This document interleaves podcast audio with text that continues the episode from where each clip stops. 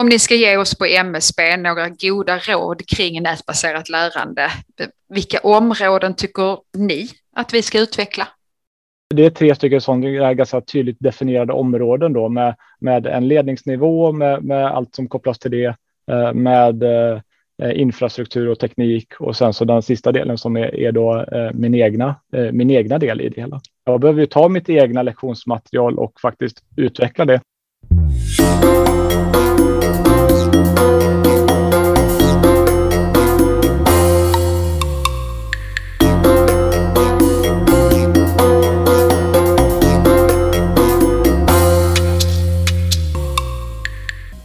Hej Andreas Bergqvist!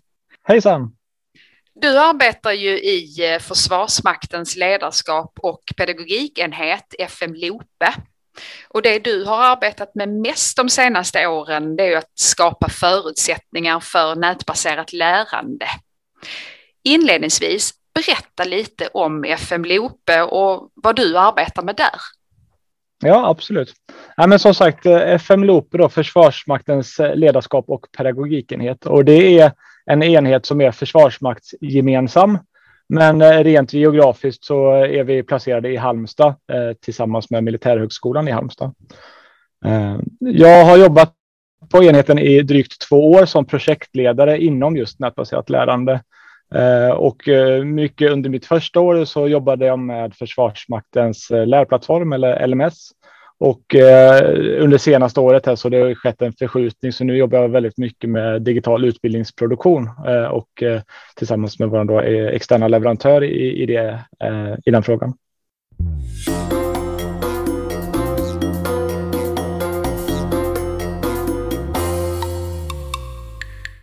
Sedan hur länge har ni haft nätbaserat lärande? Ja, men om man eh, nätbaserat lärande, det, det är ju egentligen i samband med intåget av så att säga datorer eh, i Försvarsmakten eller kanske i samhället generellt. Eh, men sen så har vi haft eh, en äldre typ av distansundervisning då med, med Försvarsmaktens brevskola där man hade en sån korrespondensundervisning och skickade brev fram och tillbaks. Men, men nätbaserat lärande eh, och eh, de allra första stegen där gjorde man under 90-talet eh, med det man kallade för datorstödd utbildning, DSU. Mm. Ni har ju bland annat gett ut en vägledning om nätbaserat lärande. Hur, hur har den tagits emot av era lärare och instruktörer?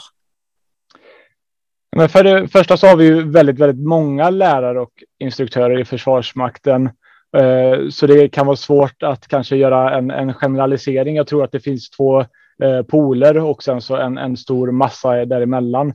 Eh, allt från någon som väldigt lite eller kanske inte ens alls har arbetat eller läst den här vägledningen till de som använder som en väldigt tydlig ledstång för, för, deras, för dem själva och för deras egna utveckling, både eh, som ja, enskild individ så att säga, eller i, i arbetsgrupp eller på en, en utbildningsenhet. Då. Mm. Hur har vägledningen implementerats? Hur levande gör ni den? Ja, vi, det har aldrig funnits några, några tvingande delar så att säga, utan vi har egentligen försökt låta den här vägledningen eh, växa in ganska organiskt i Försvarsmakten och eh, vi försöker levandegöra den genom eh, Eh, Eh, ett, eh, ett paraply så att säga som vi kallar egentligen eh, nätbaserat lärande i Försvarsmakten där, där den här artefakten, den här vägledningen är, är en bit utav flera där som sagt de här digitala lärresurserna som jag är med och tar fram och utvecklar åt Försvarsmakten är också en sån del utbildningsmoduler då. vi har även nätverk som, som syftar till att Eh, Eh, skapa eh, ökad förståelse, dela med sig av eh, både kanske goda och dåliga erfarenheter just kopplat till nätbaserat lärande.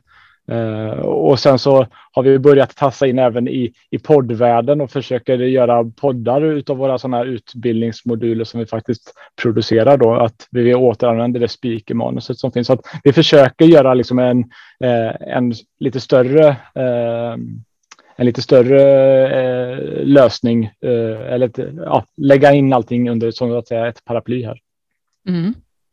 Men vilka förutsättningar ger Försvarsmakten sina lärare och instruktörer för att arbeta nätbaserat? Alltså jag tänker på till exempel teknisk utrustning, ja, tid, digital infrastruktur.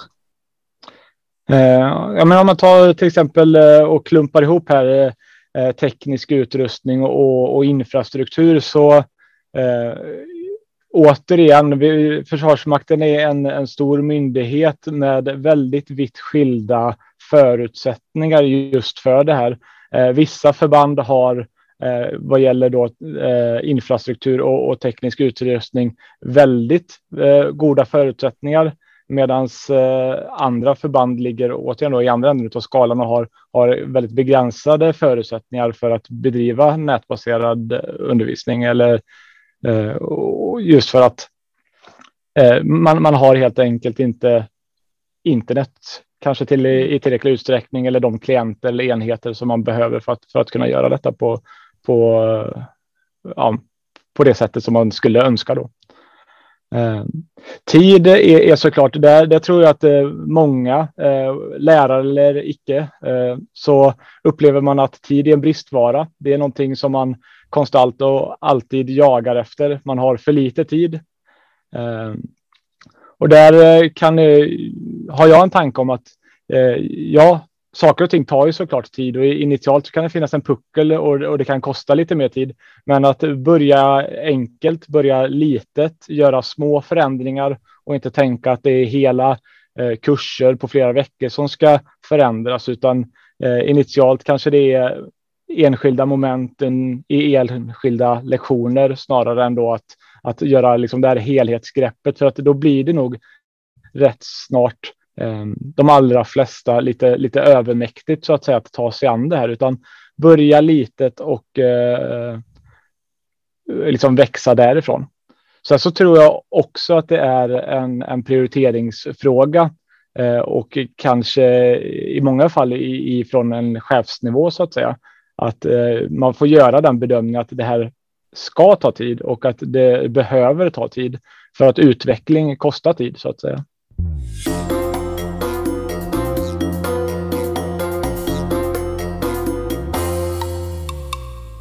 Jag tänker utöver vägledningen, hur och vilka möjligheter har ni på FM Lope att stötta era lärare och instruktörer? Eh, ja, men vi, vi är en, en förhållandevis liten enhet då. Eh, vi är fem stycken eh, som jobbar med just ja, som projektledare med inriktning då mot nätbaserat lärande, varav två av dem har extremt mycket internationella uppdrag. Så att vi, vi, vi är ju knappt en handfull. Eh, och eh, med det då sagt så försöker vi utifrån de, den tiden som, som vi har, apropå tidsbrist, att eh, kunna stötta eh, praktiskt, eh, åka ut till förbanden, jobba hands-on med olika typer av workshop.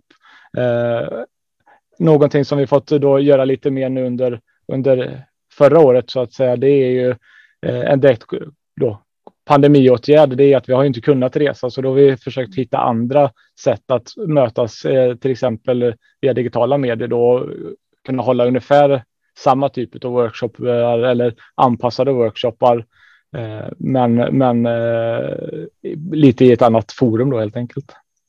Mm. Vad har ni fått för reaktioner på nätbaserat lärande från era studenter eh, och lärare och instruktörer? Vad, vad tänker studenterna? Ja, jag tror man skulle kunna göra eh, en, en, väldigt tydlig så här, före och efter pandemin. Så att, eh, för innan pandemin så var, var det inte ett alternativ för mycket av utbildningen som bedrivs. Alltså den skolförlagda utbildningen som sker här, till exempel lokalt i Halmstad. Det, det, det byggde i väldigt stor utsträckning på att man åkte till Halmstad. Man var i Halmstad under eh, den perioden som utbildningen var och sedan så åkte man tillbaka till sina eh, hemmaförband eller till andra fack och funktionsskolor i Försvarsmakten. Eh, nu efter pandemin så, så kan man ju börja dra lite erfarenheter av hur det här har fungerat. Eh, på plussidan så eh, tror jag många upplever att ja, men det är skönt att fortsatt kunna vara hemma.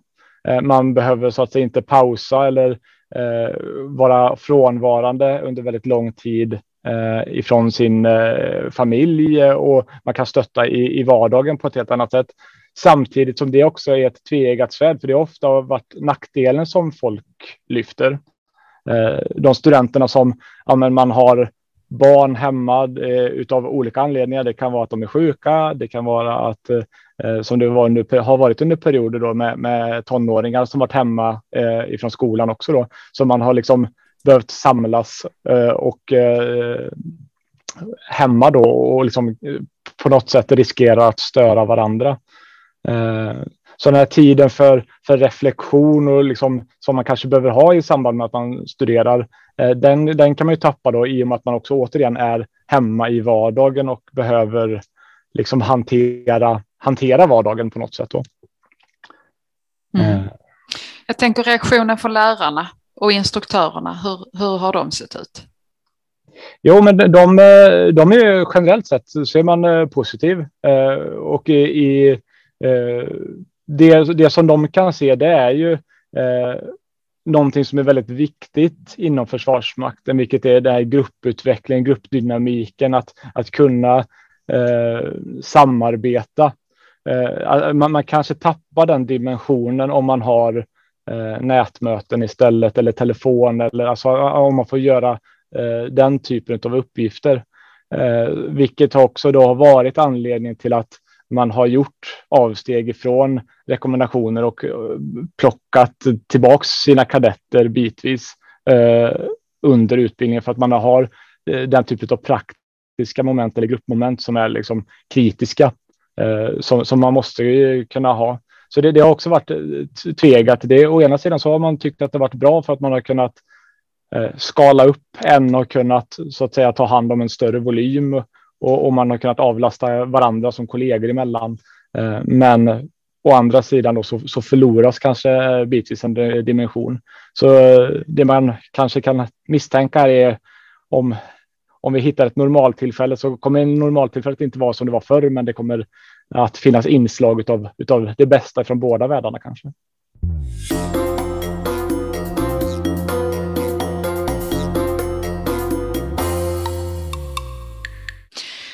Om ni ska ge oss på MSB några goda råd kring nätbaserat lärande, vilka områden tycker ni att vi ska utveckla? Eh, men som, som jag var inne på innan här, så jag har ju två kollegor som, eh, som eh, har väldigt mycket internationella kontakter och vi inspireras mycket av amerikanska försvarsmakten och en del av den som heter ADL Initiative. Och de har tagit fram en modell där man kan se på utvecklingsområden eh, som eh, och, och, ett antal frågor kopplat till de här utvecklingsområdena. Där det ena är ett eh, sådant område, det, det är ledningsnivån, alltså engagemanget, vilka regler, hur, hur skapar man möjligheter så att säga för att bedriva nätbaserad eh, undervisning eller utbildning. Eh, det, det, är det ena lagret så att säga. Det andra lagret, det handlar om som vi varit inne på innan med, med infrastruktur och teknik, alltså att skapa tekniska och infrastrukturella förutsättningar för att kunna bedriva samma sak. Eh, och den sista eh, och kanske jobbigaste delen, det är också den här resan som, som jag som lärare eller jag som, som instruktör behöver göra. För att jag, det här bygger ju ytterst på, på någon form av utveckling som jag behöver göra också. Jag behöver ju ta mitt egna lektionsmaterial och faktiskt utveckla det. Eh, det, det, det blir som, som du sagt, det, det är väldigt lätt att tänka att någon annan ska göra det här åt mig, men eh, vi, vi, konstaterade vid förra mötet vi hade att det, det var flera lärare i grunden här.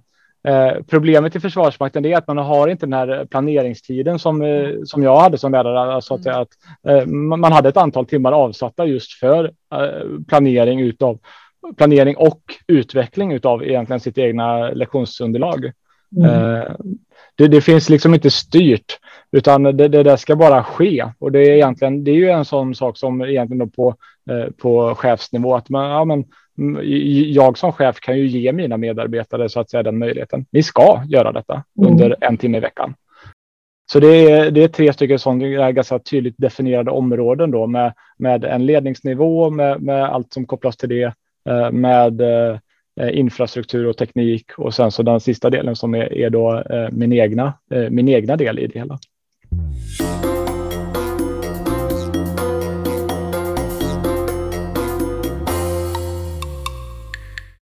Vad är ni mest stolta över när det kommer till era lärares och instruktörers genomförande av nätbaserad undervisning? Ja, men det, det måste jag ändå säga. Eh, eh, det, det, är liksom ändå hanterandet utav eh, pandemin här.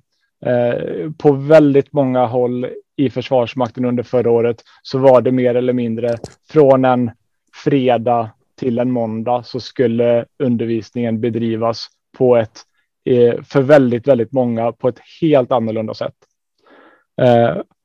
Och hur man på väldigt bred front har liksom tagit sig an det här. Hur man på väldigt bred front har lyckats åstadkomma saker som jag tror, jag tror det finns vissa som inte själva trodde att man skulle kunna åstadkomma detta. Eh, och jag som sagt, som jag var inne lite på det innan här, att nu, nu, har det gått ett år och högst troligt så kommer kanske det finnas anpassningar på, på det ena eller andra sättet hela vägen året ut, även eh, 2021 här. Vilket gör att nu har detta varit en del av eh, allas vardag under så pass lång tid. Så eh, vissa av de här förändringarna an, eller anpassningarna som man har gjort, de, de rimligtvis måste, borde de bli bestående så att säga. Men det, det är jag väldigt stolt över. Det eh, liksom det engagemanget och den viljan att faktiskt eh, ta sig an den här uppgiften och lösa den som, som Försvarsmaktens lärare och instruktörer gjorde. Eh, det, det, är jag stolt och imponerad över. Mm. Utmaningen då, vad, vad, är den största utmaningen så som du ser det med att arbeta med nätbaserat lärande?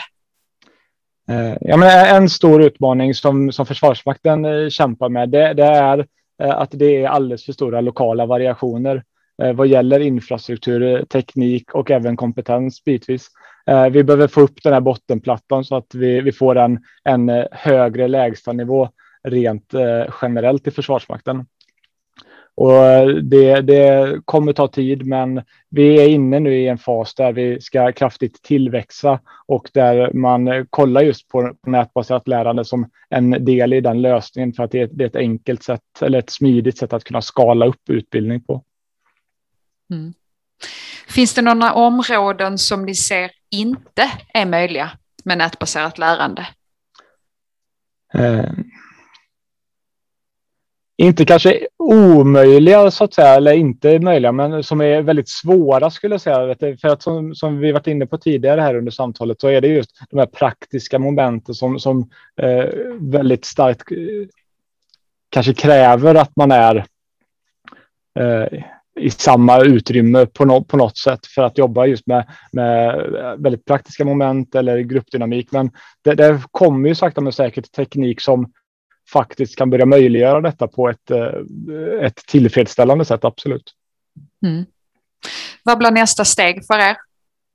Ja, men det är ju en sån här spännande grej med just VR. Vi, vi har börjat kolla på, för vi har en skyddsvaktsutbildning inom Försvarsmakten och Eh, vi hoppas på att kunna göra ett pilotprojekt tillsammans med de som är ämnesansvariga just för skyddsvaktsutbildningen att faktiskt testa vad händer om halva gruppen får andra förutsättningar, det vill säga de får jobba eh, i en VR-miljö med skyddsvakt medan de andra eh, bedriver utbildning så som den bedrivs idag. Kan man se någon effektskillnad? Vad, vad, vad händer där? Så vi, vi vill ju in och tassa på det som vi tycker är eh, nästan till omöjligt eller åtminstone väldigt svårt. Men vi, vi, vi vill in och se, testa, prova eh, och sedan kunna dra viktiga och värdefulla slutsatser om det faktiskt är så att det fungerar. Mm. Andreas, en, en sista fråga. Hur tänker ni att framtiden ser ut när det kommer till nätbaserat lärande inom Försvarsmakten? Ja, men jag och mina kollegor här på FM Lope, eh, som sagt, vi, vi tar och hämtar inspiration ifrån eh, amerikanska försvarsmakten i stor utsträckning. Och där har man ett begrepp som heter Total Learning Architecture eller TLA, som egentligen är ett digitalt ekosystem där man har alla de simulatorer som man har i Försvarsmakten, alla, vi har två LMS eller två lärplattformar, eh, alla lärresurser, allting på ett, på ett väldigt spännande sätt kopplas ihop för att kunna se vad kan individen Andreas Perkvist och även hur kan man kompetensutveckla mot en specifik befattning eller mot specifika uppgifter. För att man får en väldigt heltäckande bild. För allting som man gör digitalt skulle kunna så att säga användas för att göra en, en väldigt komplett bild utav vad jag kan, vad jag gör och även vad jag föredrar. Eh, Andreas, han gillar att kolla på film. Han eh, läser inte alla texter, men han eh, så, så att man kan skräddarsy den eh, utbildningsupplevelse som man faktiskt står inför. Mm. Du, jag tackar för att du ville ställa upp. Tack så Tack jättemycket så mycket. för att jag fick vara med. Tack. Tack. Hej då. Hej.